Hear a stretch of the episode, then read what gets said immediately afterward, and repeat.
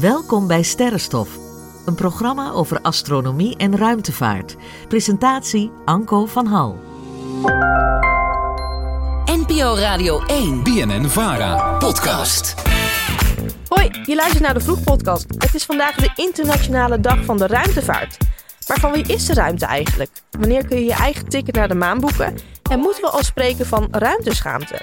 Dat en meer hoor je allemaal in deze podcast, waarin ik spreek met Anko van Hal van de Sterrenstof podcast en Hens Zimmerman van de podcast Zimmerman in Space. Goedemorgen mannen. Goedemorgen. Hele goedemorgen. Goedemorgen, hoe is het met jullie? Ja, lekker eigenlijk. Ik ben best wel wakker nu. Nou, het was wel vroeg, eerlijk gezegd. Ja, het is vroeg, dus fijn dat jullie in vroeg zijn ook. Ja, Ehm, ik ontmoette jullie net beneden in de studio en toen ehm, bleek dat de een fan is van de ander. ik ben fan van Hens. Vertel, hoe zit Nou, dat? eh, Hens is al heel lang bezig. Al vier jaar, meer dan vier jaar geloof ik. Ja, zoiets. Ja, Terwijl zo- het vier weken. Ja. Ja. En ik heb eh 13 maanden erop zitten met eh, sterrenstof. Ja, jullie maken allebei een podcast over de ruimte. Ja. Eh, jij doet het al langer. Waarom ben jij mee begonnen? Eh, het is eigenlijk als een soort grap ontstaan bij het programma Focus Wetenschap. Ja, En na 50 afleveringen kreeg ik er een podcast van, omdat het een column was die dus eh, soort van succesvol was. En eh, sindsdien is het een podcast. en nu heb je trouwe luisteraars die luisteren naar de podcast Zimmerman in Space. Wat wil je ermee vertellen? Eigenlijk helemaal niks. Het is eigenlijk alleen maar een soort hobby die eh, anderen aanspreekt. Dus ik wil heel weinig. Ik vind het alleen heel leuk om te maken. Klinkt goed. En wat wil jij, Anko? Nou ja, eigenlijk een beetje hetzelfde natuurlijk. Ik denk dat dat ons doel is ook. Hè? Dat we iets eh, mensen willen meegeven en eh, meer naar boven laten kijken. Het is ook ontstaan uit hobby. Het is nog steeds een hobbyproject. En ehm, het platform is van Amsterdam FM, kunst- en cultuurzender in Amsterdam. En wij maken dus eh, de podcast Sterrenstof eh, live op locaties. Dus verschillende locaties. We zitten nu de afgelopen maanden in het Allard Pierson Museum. En het format, ja, je gaat natuurlijk luisteren naar wat voor sterrenkunde podcasts er ook nog zijn. En toen kwam ik natuurlijk meteen op die van Hens. En ik kijk dan af en toe, het is een beetje David en Goliath verhaal, volgens mij nu. Dus dan kijk ik naar hem en, en luister ik naar hem en denk, nou oké, prima, er bestaat dus al iets. Ja, Laat ik het even anders doen. En het is een talkshow geworden. Dus we zitten gewoon aan tafel, een koffietafel met koek. En sidekicks erbij die eigenlijk niets weten van astronomie, maar het wel leuk vinden. Dus dan krijg je het verhaal, dan vertel ik een verhaaltje en dan kunnen mensen gelijk een vraag stellen. Dus wat we zo meteen krijgen, volgens mij in deze uitzending ook, zijn vragen van luisteraars. zeker. Nou, die heb ik dan direct in de live eh, podcast. Oh, dus je kan ook niet even voorbereiden of zo. Ik probeer het wel. Je probeert het wel. Het is moeilijk. Het is moeilijk. Ja, hier kan je dus niet voorbereiden. Want Nee. het is goed dat je het zegt. Als luisteraars vragen hebben, dan Ja. kun je die eh, insturen via de NPO Radio 1 app. Alle vragen over de ruimte mogen gesteld. Mocht je anoniem een vraag willen stellen, dan mag dat ook. En dan worden ze zo meteen beantwoord. Vroeg. Met Rauna Kadari. Waar waren jullie op 12 april 1961?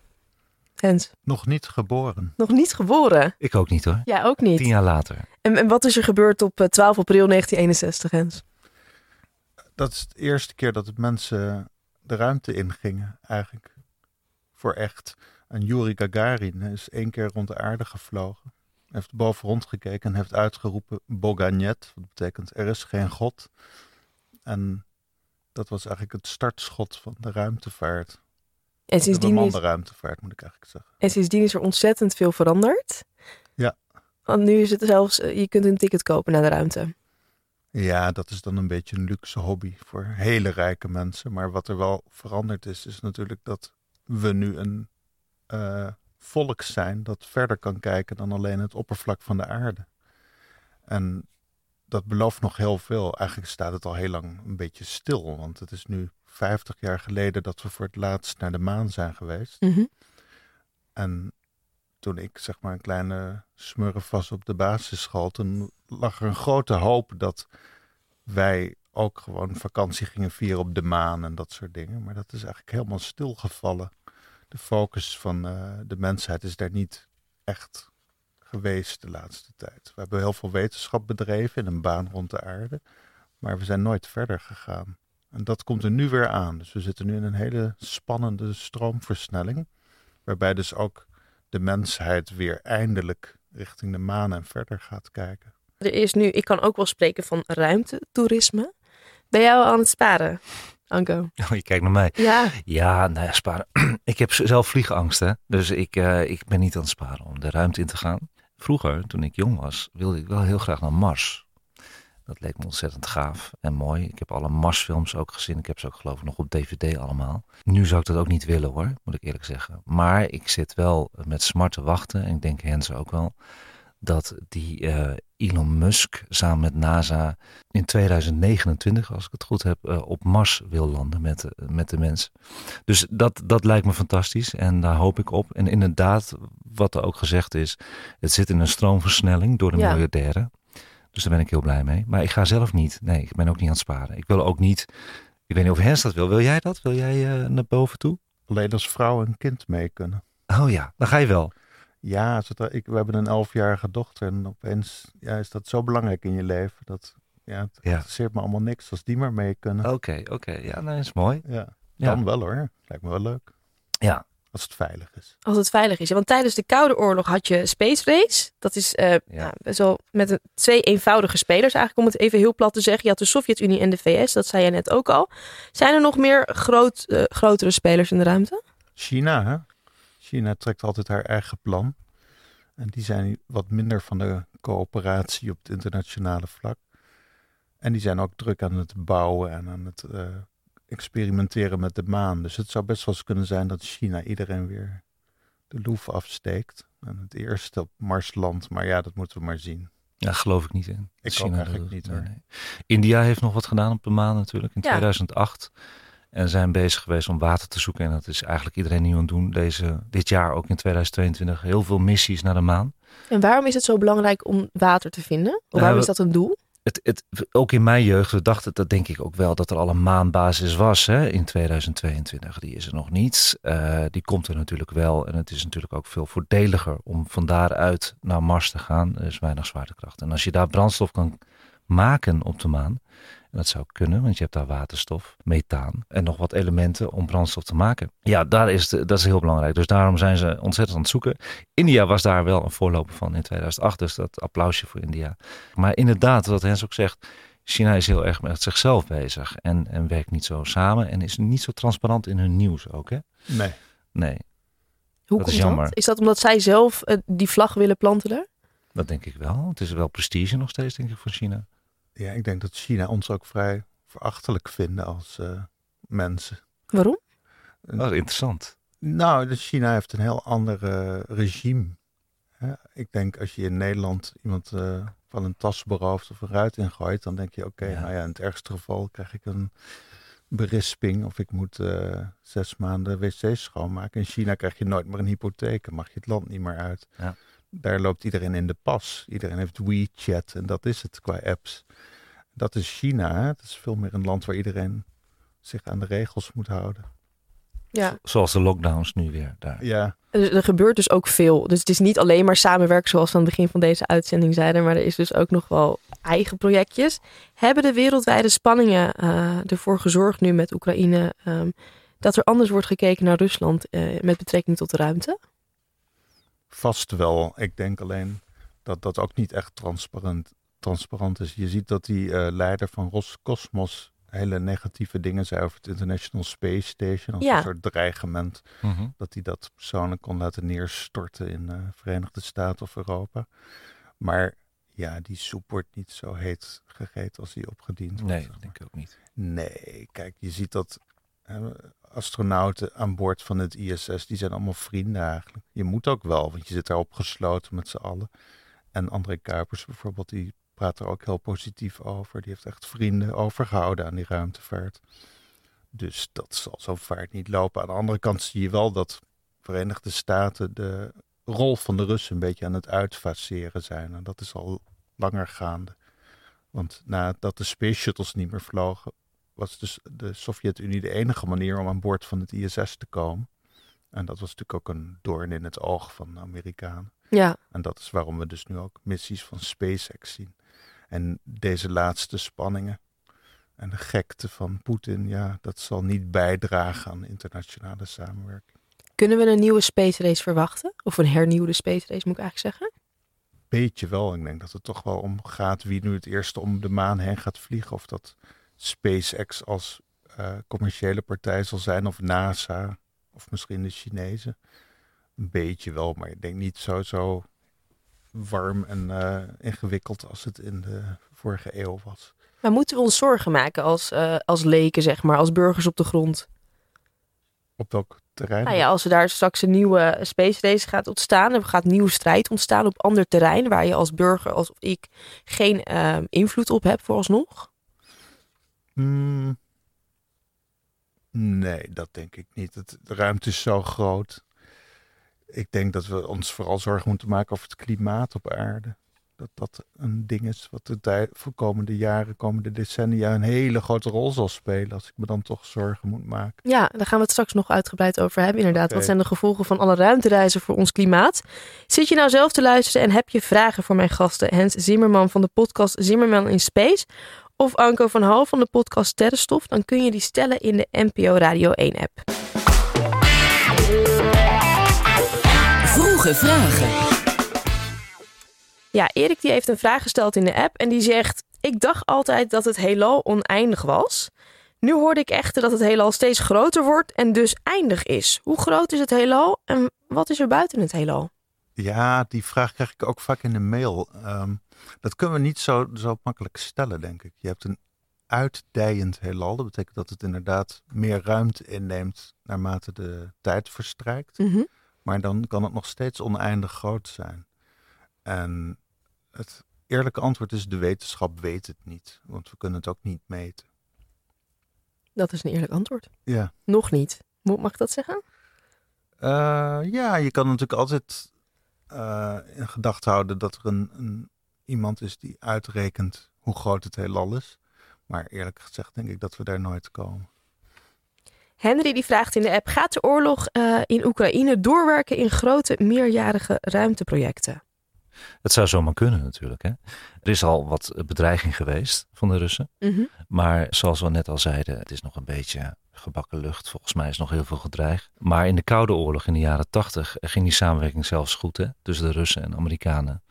Dus ik zie het nog positief in. Dat klinkt goed. Henry die vraagt: Een paar weken geleden zag ik ruimtevaarders tussen aanhalingstekens met beroepskleding aan in de kleuren geel en blauw. De kleuren van Oekraïne. Welke boodschap werd hier duidelijk gemaakt en wat betekent dit voor de toekomst? Ik denk dat dit de boodschap is dat de ruimtevaart zich eh verre houdt van het gekonkel op aarde. En, en de Oekraïners een hart onder de riem wil steken. Kiezen ze daarmee ook kant? Of juist niet, hè? dat je zegt van wij, wij zijn gewoon mensen onder elkaar en eh, wij zijn pro-Oekraïne. Ja, maar dan ben je dus tegen Rusland. Ja, kies je wel een kant. Nou ja, nee, ik denk dat heel veel, dat is denk ik te sterk gezegd. Ik denk dat heel veel mensen die pro-Oekraïne zijn niet anti-Rusland zijn. Ik ben ook niet anti-Rusland. Ik ben er zelf ooit geweest. Een prachtig land met heel veel lieve mensen. Er zijn alleen een paar mensen met de verkeerde ideeën op hoge posities. Mhm. Ja. En ik denk dat de bulk van de Russen, als ze niet de hele tijd voorgelogen worden door het nieuws, ook wel zullen zien dat dit grote gekte is. Ik had graag gezien dat het allemaal wat neutraler was geweest. Ja, Dus ik had dat niet gedaan. Hoe bedoel je dat? Nou, ik had niet die kleuren aangedaan. Niet als eh, ruimtevaarder, niet als ruimtevaartorganisatie. Ik vind het juist zo fijn dat alles zo goed samenwerkt daarboven ons. Laat het even gewoon even neutraal. We zien aan de vragen ook wel, want er worden meerdere keren vragen gesteld over Oekraïne, dat Ja, ehm, het feit dat het nog geen ehm, gelopen race is, dat er nog geen regels zijn in de ruimte, dat het ook best wel zorgen eh, geeft voor mensen. ja ik vind juist van niet. Vertel. Ik vind dat de samenwerking juist nog, nog steeds heel goed gaat. En wat, wat Hens ook zegt, ze zijn juist hele goede vrienden hè, boven eh, ISS, de Russen en de Amerikanen. Dus dat stemt mij gewoon heel gunstig. En er zijn inderdaad nog geen wetten daarboven. Dus ook geen grenzen. Ik vind dat juist heel positief. Ik maak me niet zoveel zorgen daarin. nee, ik denk dat de zorgen meer andere kant op gaan. Nou, dat er bijvoorbeeld te veel ruimtepuin is. Precies, dat zijn de zorgen. Wat bedoel je daarmee? Nou, er is zoveel gelanceerd de afgelopen decennia dat het een grote vuilnisbelt is. En dat het echt gevaarlijk is om in een baan rond de aarde te verkeren. Want voor het weet krijg je een schroef tegen je helm aan. En dan is dat wel einde oefening. En wie is daar verantwoordelijk voor? Niemand. Omdat er dus nog geen regels zijn of geen beleid ja, daarboven? dat is het probleem. Ja, Ja. Dat is een ding waar echt geen beleid is. Er is natuurlijk uiteindelijk wel altijd iemand verantwoordelijk. Zeg maar, je kan iemand aanwijzen die de rommel geleverd heeft. Mhm. Maar ja, dat is waarschijnlijk iedereen die iets lanceert. Ja, China is heel boos geworden op Elon Musk, hè? Ja. Maar China doet het zelf ook. En waarom is China boos geworden op Elon Musk? Hij heeft een, eh, gewoon een trapraket bijvoorbeeld laten slingeren, om het even zo te zeggen. En dat Space Station van China, dat, zat in die baan. Dus we waren een beetje boos, maar China doet precies hetzelfde. En laat ook heel veel puin eh, rondslingeren. Zelfs sterker nog, was ook dreiging dat er iets in het dampkring kwam, ongecontroleerd neerstorten van China. Dus ze doen het precies hetzelfde. Dus dat is ook wel een beetje aan de hand. En op dit moment schat de ESA dat er zo'n 36.500 stukken om de aarde zweven. Dus dat zijn Brokstukken, brokstukken. Troep eigenlijk. Ja, gewoon. ja. Kan het ook onze ehm, weg naar de ruimte? Want we zijn, eh, of er zijn ontzettend veel organisaties bezig om daarheen te gaan. Mhm. Nou, laten we allemaal zooi slingeren daar. Kan dat er ook voor zorgen dat we die weg nooit gaan bereiken, omdat we onze eigen, he- ons eigen heelal aan het vervuilen zijn? Geloof ik niet. Nee, Nee, dat- zo, zo sterk zal het niet zijn. Maar het is wel wachten op dat er een keer een ramp gebeurt. Want Ja. het ISS moest bijvoorbeeld regelmatig van baan wisselen om te, uit te wijken voor troep. En de Chinezen hebben bijvoorbeeld ook eh, satellieten aan barrels geschoten. Dan krijg je Ja. een heleboel kleine stukjes daar. Ja, want jullie praten erover alsof het hartstikke normaal is van baan wisselen, Ja. codes. Er zijn hier ook aardig wat leken aan het luisteren. En die denken, waar hebben we het over? Nou ja, je kan dus een raketmotor aanzetten. En dan gaat het ISS iets hoger of iets lager vliegen. En wie bepaalt dan wie, wie's baan eh, van wie is op dat moment?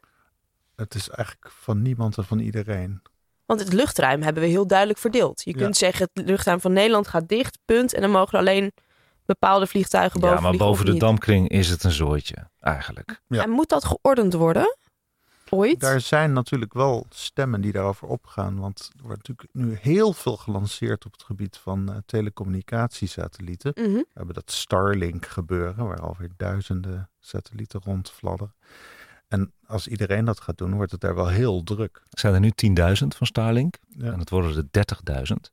Dan zit je al met een vervuiling natuurlijk, inderdaad. En dat doet hij maar gewoon, dat hij gewoon eh, de macht heeft en het geld heeft, Elon. Maar wat dacht je van de mooie astrofotografie, bijvoorbeeld? Wat Dus, bedoel je? Nou ja, goed, de mensen die vanaf de aarde mooie foto's maken. Ehm, nou, die foto's zijn allemaal besmet. Je ziet er overal wel een streep, een satelliet doorheen. Dus die moet je allemaal wegpoetsen. Dus dat is ook niet zo fijn. Dat, dat, dat zijn ook allemaal vervuilingsdingetjes. Ik moet eerlijk zeggen, ik snap helemaal, want hij wilde een breedband internet wil die aanbieden over de hele aarde. Dus Ja. ook dat je in de woestijn bijvoorbeeld eh, gewoon lekker met je telefoontje kan bellen. En daar, daar was gewoon geen wet voor. Hè? Ik bedoel, hij heeft het gewoon gedaan, dat er gewoon geld is. Dan zit je met die troep boven de aarde. Nou ja, omdat en dat wordt niet is. opgeruimd. Maar er is ook behoefte aan. Het klinkt natuurlijk Ja, op eerste gezicht fantastisch dat Ja. iedereen internet heeft. Ja. maar toch is het vervuiling. Ja, dat, dat is de andere kant. Maar Ja. hij heeft het niet alleen gedaan omdat hij geld heeft. Hij heeft het gedaan. Nee, en weet je wat ook wel is? Dat is ook wel zo. Er zitten altijd andere kanten aan. Hij heeft geloof ik Oekraïne nu ook geholpen daarin. Precies, ja. Dus eh, dat, dat dat is een mooie kant aan. Maar er zitten ook eh, slechte kanten aan natuurlijk. ja. Maar het, geeft, het is ook een, een, een- manier om te zeggen van of hij is een pionier en nu komt er beleid. Zou je denken. Ja, laten we het hopen. Absoluut waar. Maar China wil ook gaan opruimen. Hè? Dus die wil opeens goody-goody gaan doen waarschijnlijk. Dus die is bezig met een opruimprogramma. Maar ja, heel veel mensen en vooral de Amerikanen zijn er heel sceptisch over. Want met zo'n opruimprogramma zou je ook bijvoorbeeld eh, vijandige satellietwapens kunnen vernietigen. Dus het kan ook de andere kant op. Ik heb nog één luisteraarsvraag voor jullie en die Ja. is anoniem. Klopt het dat de aarde nog altijd een bepaald radiosignaal uitzendt om buitenaards leven te ontdekken? Dat doen we al door. Dat doe jij nu ook met je programma. Maar mijn doel is niet buitenaards leven ontdekken. Nee, maar ze kunnen het wel toevallig natuurlijk ontvangen. Dat doen we al vanaf de eerste radiosignalen. Ja, maar de vraag is of het on purpose wordt gedaan. Bewust willen wij nog steeds, of wordt er nog steeds gezocht naar buitenaards leven? Dat is eigenlijk de vraag. Sowieso wordt er gezocht naar buitenaards leven. En deze zomer gaat de James Webb telescoop natuurlijk ook echt zoeken naar buitenaards leven. Dat is een van mijn favoriete ruimtevaartprojecten. En die kan eh, door infrarood zelfs de atmosferen van exoplaneten gaan bestuderen. En dan zou je in principe door de samenstelling van zo'n atmosfeer van een exoplaneet zou je buitenaards leven kunnen ontdekken. Dus dat wordt heel spannend. Dus wij, wij kijken wel, wij zoeken heel erg op dit moment. Vroeg. Met Rauna Kadari. Ja, ik zei het in het eerste half uur al. Er zijn eh, klimaatproblemen. Hè? We hebben, kennen vliegschaamte, we kennen bezorgschaamte, we kennen vleesschaamte. Kunnen we al spreken van ruimteschaamte? Nee, ik denk het niet. Nee, ik denk dat nog niemand zich echt heel diep schaamt hierover. Jammer. Ja, Toch? is ook de volgende stap hoor, denk ik. Maar je kunt ook zeggen, ehm, en misschien loop ik een beetje op de zaken vooruit. ehm, we kwamen er relatief laat achter wat voor impact vliegen had op ons milieu. Wat voor impact eh, vlees heeft op ons milieu. Nu zeggen we, we weten eigenlijk al wat de impact is van al onze eh, moderne technologieën. Kunnen we daar nu niet op inspelen voordat het te laat is? Ja, dat klinkt heel zinnig. En dat is precies hoe mijn vrouw ook tegen dit soort dingen aankijkt. Dat je op tijd problemen oplost. Maar de wereld is toch meestal anders. Dat we gaan dweilen met de kraan open, denk ik. En het probleem is natuurlijk ook niet zo verschrikkelijk groot, denk ik. Nog niet. Nee, en ik weet ook niet of het dat gaat worden. Want er worden natuurlijk relatief weinig raketten gelanceerd. En als je nou kijkt hoeveel last je hebt van satellieten in een baan om de aarde, dat is voor de meeste mensen gewoon nul. Terwijl als je kijkt naar het klimaat, daar heeft iedereen op dit moment last van. Je kent wel iemand die zeg maar te veel regen heeft gehad. En we hebben allemaal last van eh, droogte en dit soort dingen. En energieachtige problemen. Mhm. Terwijl de ruimtevaart, ja, wat is nou echt een concreet probleem wat dat oplevert? Nou, dat is eigenlijk mijn volgende vraag. Wat zijn de gevolgen van eh, ruimtereizen voor ons klimaat? Ja, maar niks. Nul. Ik snap het probleem ook eigenlijk niet over ruimtevaart en klimaat. Ik bedoel, wij eh, kunnen heel veel leren van de ruimtevaart. Dat doen we nu al. Mhm. En daarbij, eh, we kunnen door de ruimtevaart heel veel dingen op aarde juist beter begrijpen. En er komt ook heel veel technologie uit de ruimtevaart. Hè? Zeker. Dus wat dat betreft, eh, ik zie alleen maar voordelen. En eh, die vervuiling die we buiten de damkring hebben, waar we het over gehad hebben, Ja. daar hebben we nu geen last van hè, op aarde. Nee, maar nu niet. Nee. Maar de, de eerste keer dat er een vliegtuig vloog, dachten we ook niet van... goh, misschien moeten we even kappen met die EasyJet vluchtjes. Ja, maar dat gebeurt ook echt in onze damkring, dus in onze atmosfeer. Maar dit is allemaal buiten de atmosfeer. Kijk, het is En voor. betekent dat dat dat nul impact heeft op onze aarde? Is dat wat je zegt? Ja, op dit moment wel. En op als dit je- moment en op langere termijn? Dat zou kunnen, maar eh, dat zie ik nog helemaal niet zo snel gebeuren. Daarbij, eh, mensen die klagen ook over, eh, ik kan makkelijk praten hoor, ik hou van ruimtevaart en sterrenkunde, dus dat begrijp ik heel goed. Maar dan gaan mensen klagen over het geld. Oh, het kost zoveel geld, ruimtevaart. Maar in Amerika is dat maar 0,5% van het hele federale budget. In Europese landen is dat nog zelfs minder. Dus daar moet je niet over zeuren. Daarbij zitten er heel veel voordelen. Het levert ook heel veel werk op. Ja, Ik heb het echt puur over de impact van ruimtevaart op ons klimaat, Ja. inderdaad. Nul. Nul. Kijk, een satelliet die vergaat, die niet meer gebruikt wordt, die zal uiteindelijk vooral verbranden. Ja. Mhm. De dampkring. Ja. Nou ja, er komt de hele dag allerlei troep uit de ruimte onze dampkring binnen. En dat is juist niet van menselijke afkomst, maar gewoon uit het begindagen van ons zonnestelsel. Precies. Ja. Een paar ton stof of zo komt er elke dag naar beneden. Nou, daar kan dit ook nog wel bij. Dit is natuurlijk een speld in een hooiberg waar je het over hebt. Ja, en als ze die eh, dingen eh, dumpen, doen ze dat meestal in een goede plek in de oceaan en vissen dat ook weer op. Ja. Dus wat dat betreft eh, is dat niet veel vervuiling. Dat klinkt, dat stemt dan weer positief. Ja, maar dat mag ook. Je mag ook positief zijn in deze Ja. tijd. En er worden natuurlijk ook heel weinig raketten gelanceerd. Als je dat vergelijkt met auto's die rijden of Ja. Absoluut. Want hoeveel raketten gaan er ehm, de lucht in?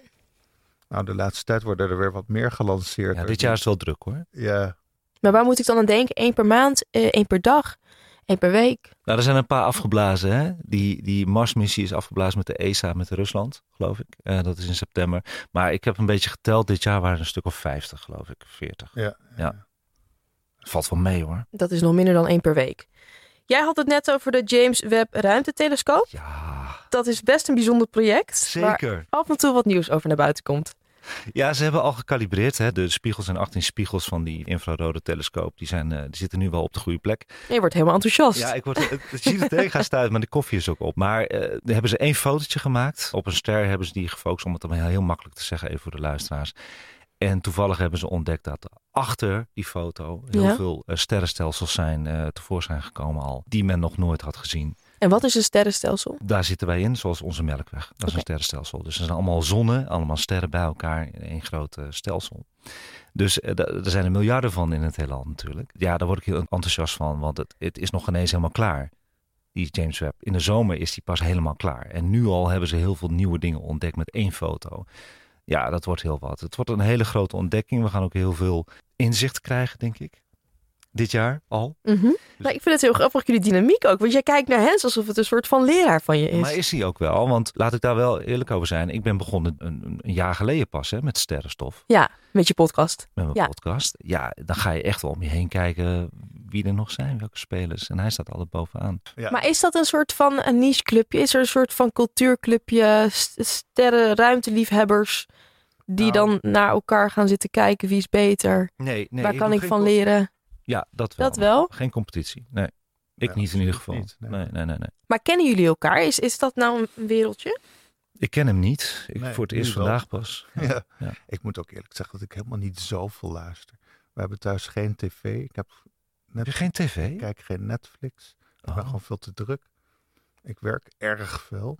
En dan moet ik ook nog af en toe eten koken en dat soort dingen. En ik schrijf ook nog voor een eh, tijdschrift over sterrenkunde voor kinderen. En ja, de tijd is gewoon heel gauw op. Dus ik luister geloof ik twee podcasts op dit moment. Die gaan over muziektechnologie eh, tijdens de afwas.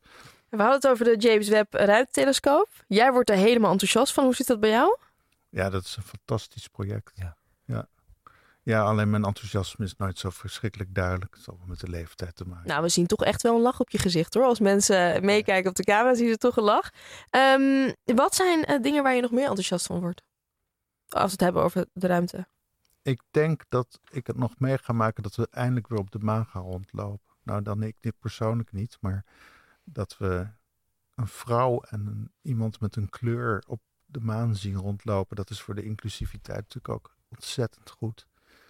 Maar sowieso het feit dat we daar weer terechtkomen, vind ik wel mooi dat ik dat nog meemaak. Ja, ja haalt het onderwerp zelf aan. Je wil graag een vrouw op de maan zien. Het liefst een eh, vrouw van kleur. Of een zwarte vrouw. Ehm, hoe zit dat eigenlijk in jullie wereld? Want ik heb hier twee witte mannen aan tafel zitten. Slecht, hè? Ja, heel slecht van mij eigenlijk.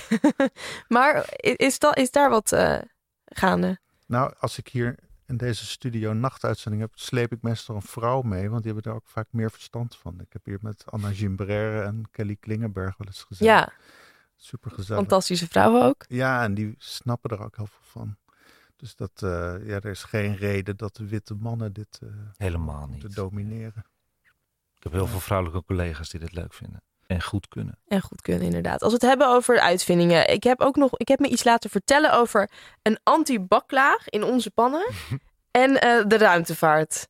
Wie kan me daar iets meer over vertellen? De antibaklaag eh is inderdaad volgens mij doorgeëvolueerd op de tegeltjes die gebruikt worden om ruimteschepen terug te laten keren door de dampkring. Ja, die Space Shuttle eh, had Ja. dat hè, onder, onderaan. Van die zwarte tegeltjes. Ja, maar er zijn zoveel dingen die ontdekt zijn en die we nu gebruiken. Ik heb daar een hele lijst. eh, zonnecellen bijvoorbeeld. Ook ontdekt in de ruimte. Shock absorbers voor buildings, dus eh, voor gebouwen.